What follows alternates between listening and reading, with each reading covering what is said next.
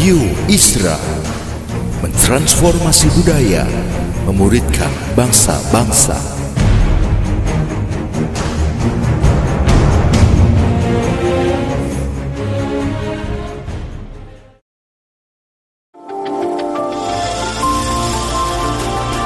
Voice of Pradaim menyuarakan paradigma kebenaran firman Tuhan yang esensi untuk memperlengkapi Anda menggenapi misi dan panggilan ilahi. Selamat mendengarkan.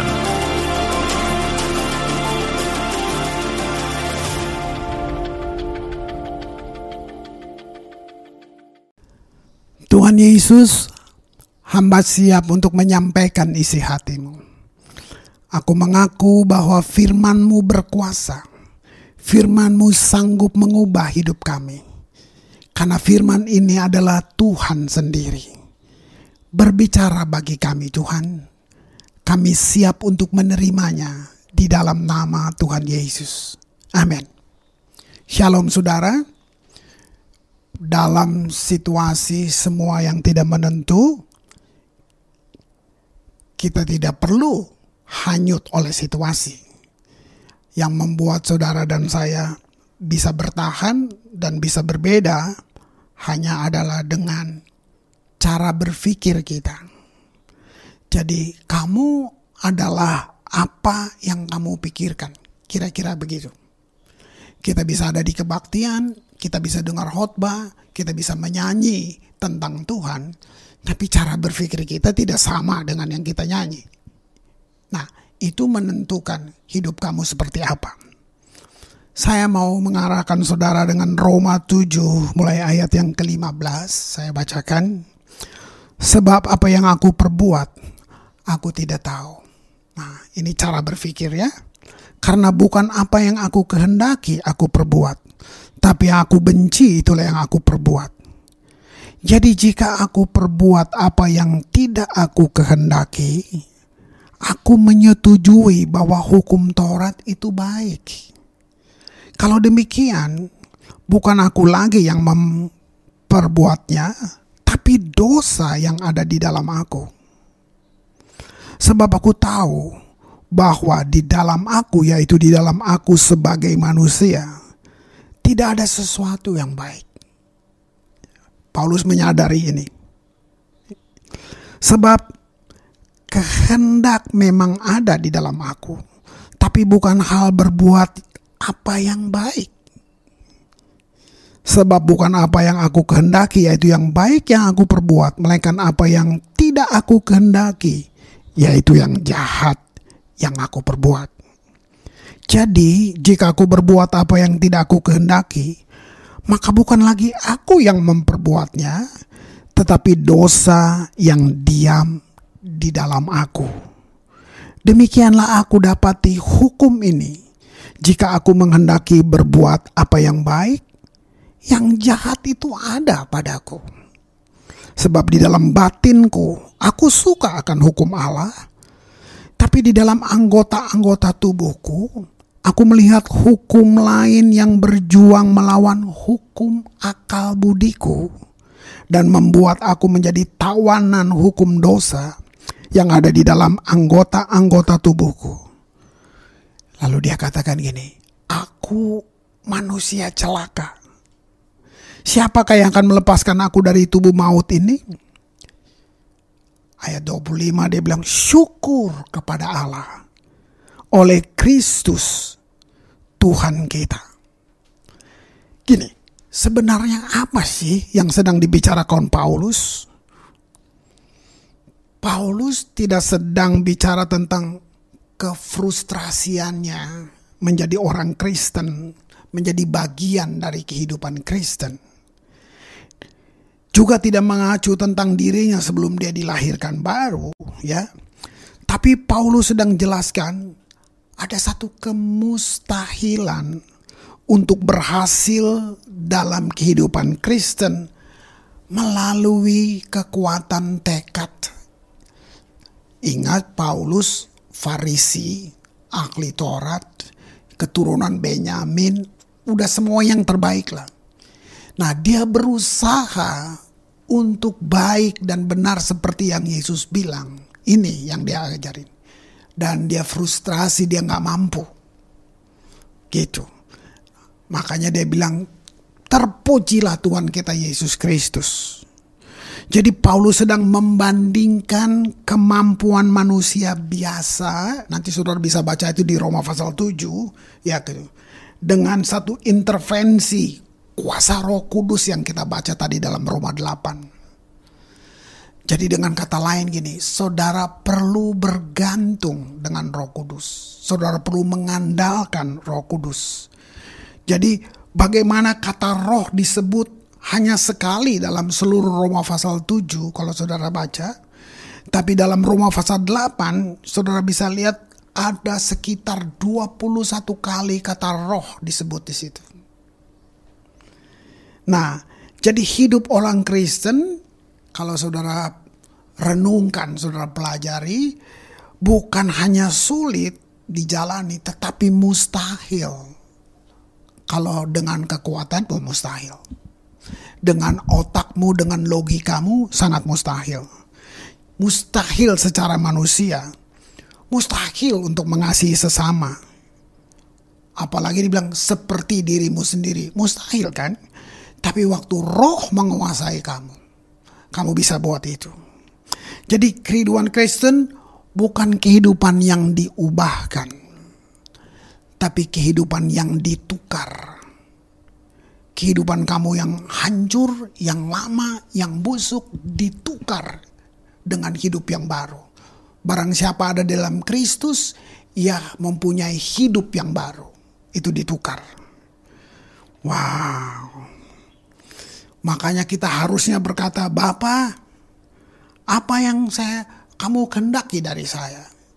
Itu yang paling benar. Apa rencanamu? Bukan kamu bawa agendamu untuk Tuhan setuju. Ah, itu cara kita hidup dengan sifat yang baru. Luar biasa. Musuh, setan saya bilang, dia terlibat dalam banyak hal. Dan apa yang dia sodorkan buat saudara dan saya? Dia sodorkan sampah-sampah buat kita. Nah sampahnya kesannya bermutu. Kesannya logika penuh gitu. Kesannya sangat bisa science, bisa bisa knowledge, bisa apa aja. Tapi itu sampah. Waktu apa? Waktu dia menuntut kamu untuk melakukan dengan kekuatanmu sendiri. Nah bersandar pada roh kudus artinya gini. Dia yang tahu jauh sebelum kamu tahu. Dia yang melihat sebelum kamu melihat. Dia bisa menuntun kamu. Karena firman dia bilang dia menuntun kamu pada seluruh kebenaran. Apa arti Kristen? Kristen artinya Kristus kecil. Bagi kamu bisa menjadi Kristus kecil di dalam dagingmu, gitu. Kamu tidak bisa hidup seperti Yesus. Kamu harus datang kepadanya, menerimanya. Nah, minta dia hidup di dalam kamu. Itu maksudnya. Jadi, kira-kira gini, Apakah saya bisa bikin dosa? Gampang. Mengapa tidak? Semua orang bisa bikin dosa. Gitu. Karena bukan sifat alamiah untuk berdosa dan kamu tidak ingin membuka pintu, ya. Begitu. Maksudnya gini. Kalau kamu buat dosa, kamu sedang buka pintu untuk iblis. Itu maksudnya gitu, ya. Dia masuk dalam hidupmu jadi kalau konsep kamu tentang diri kamu sudah diampuni, kamu sudah ada Roh Kudus di dalamnya. Nah, lalu kamu konsisten untuk terus dipimpin oleh Dia. Saya yakin dosa nggak bisa menguasai kamu. Amsal 23 ayat yang ketujuh. Sebab seperti orang yang membuat perhitungan. Nah, kata berpikir di situ dalam dirinya sendiri, demikianlah ia. Makanya di depan saya katakan, kamu ada sekarang seperti apa yang kamu sedang pikir. Jika kamu pikir kamu miskin, sakit, depresi, marah, pahit, artinya kamu telah berpikir tentang miskin. Kamu berpikir tentang sakit, kamu berpikir tentang depresi, marah, dan pahit. Gitu. Roma 8 ayat yang ke-6. Karena keinginan daging adalah maut, tapi keinginan roh adalah hidup dan damai sejahtera. Pikiran kedagingan adalah kematian. Itu tidak hanya cenderung ke arah kematian, tapi dia bekerja sebagai faktor penyumbang kematian, kira-kira gitu. Pikiran kedagingan sama dengan kematian. Tapi pikiran roh, nah itu adalah kehidupan dan damai sejahtera. Jadi bukan salah faktor penyumbang ke arah hidup damai sejahtera, tapi pikiran roh sama dengan kehidupan dan damai sejahtera. Itu yang Alkitab katakan. Saudara bisa tahu apa yang telah saudara pikirkan dari apa yang kamu tuai. Jika kamu tuai kehidupan dan damai sejahtera, ya, kalau kamu belum punya itu, maksud saya, kalau kamu belum tuai damai sejahtera, artinya kamu belum berpikir secara roh. Tantangannya hari ini, pilihlah untuk berpikir secara roh. Kita bisa di dalam roh, tapi bukan roh yang mengendalikan. Itu hal lain.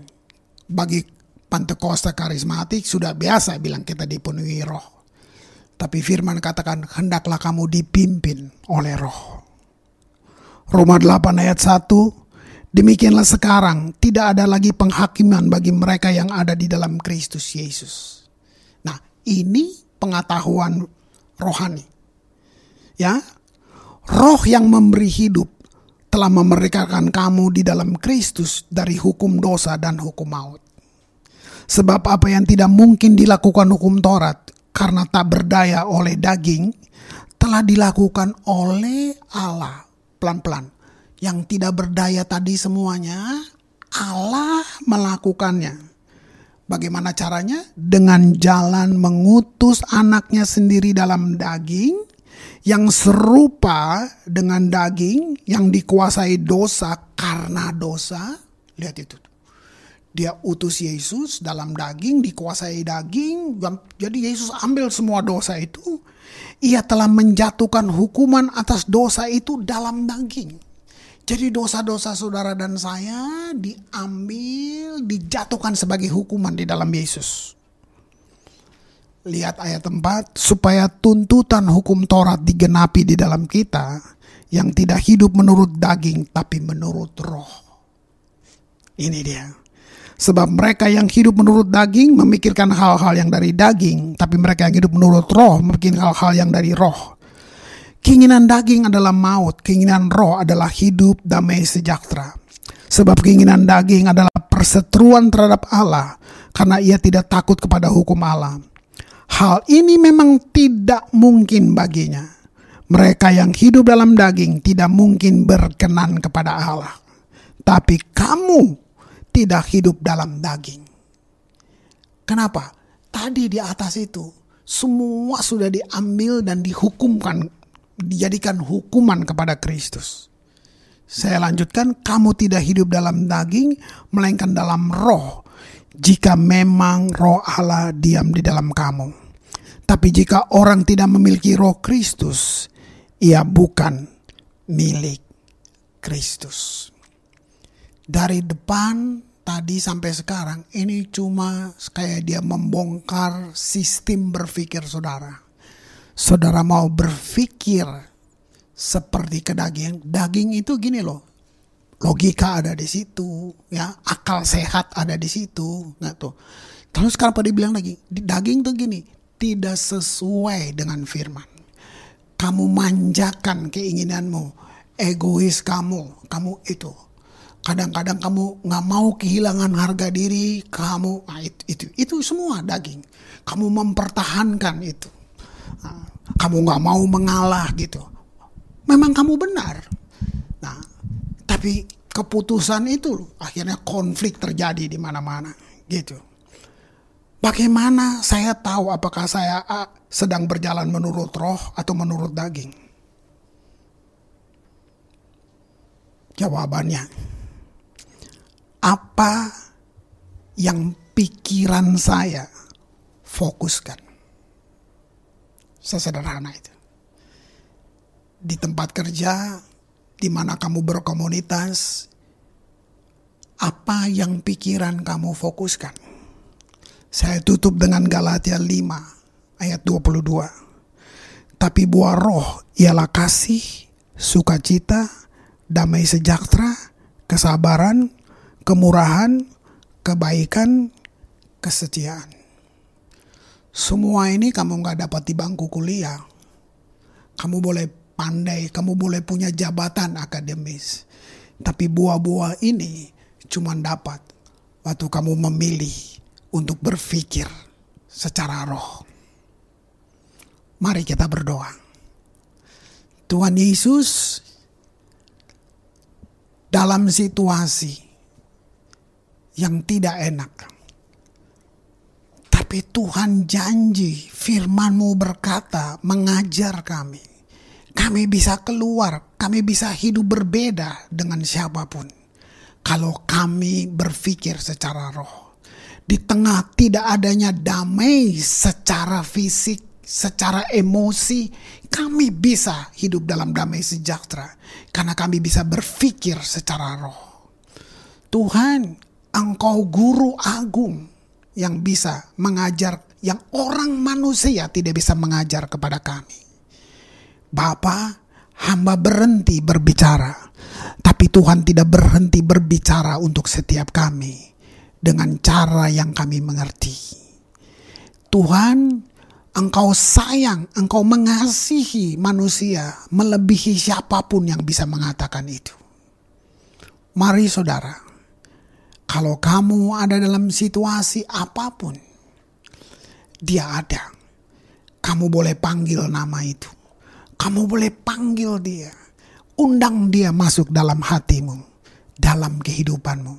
Maka kamu akan mendapat kemampuan untuk hidup seperti yang dia mau. Dan itu menyenangkan kamu. Terima kasih Tuhan Yesus. Kami percaya dalam nama Yesus. Amin.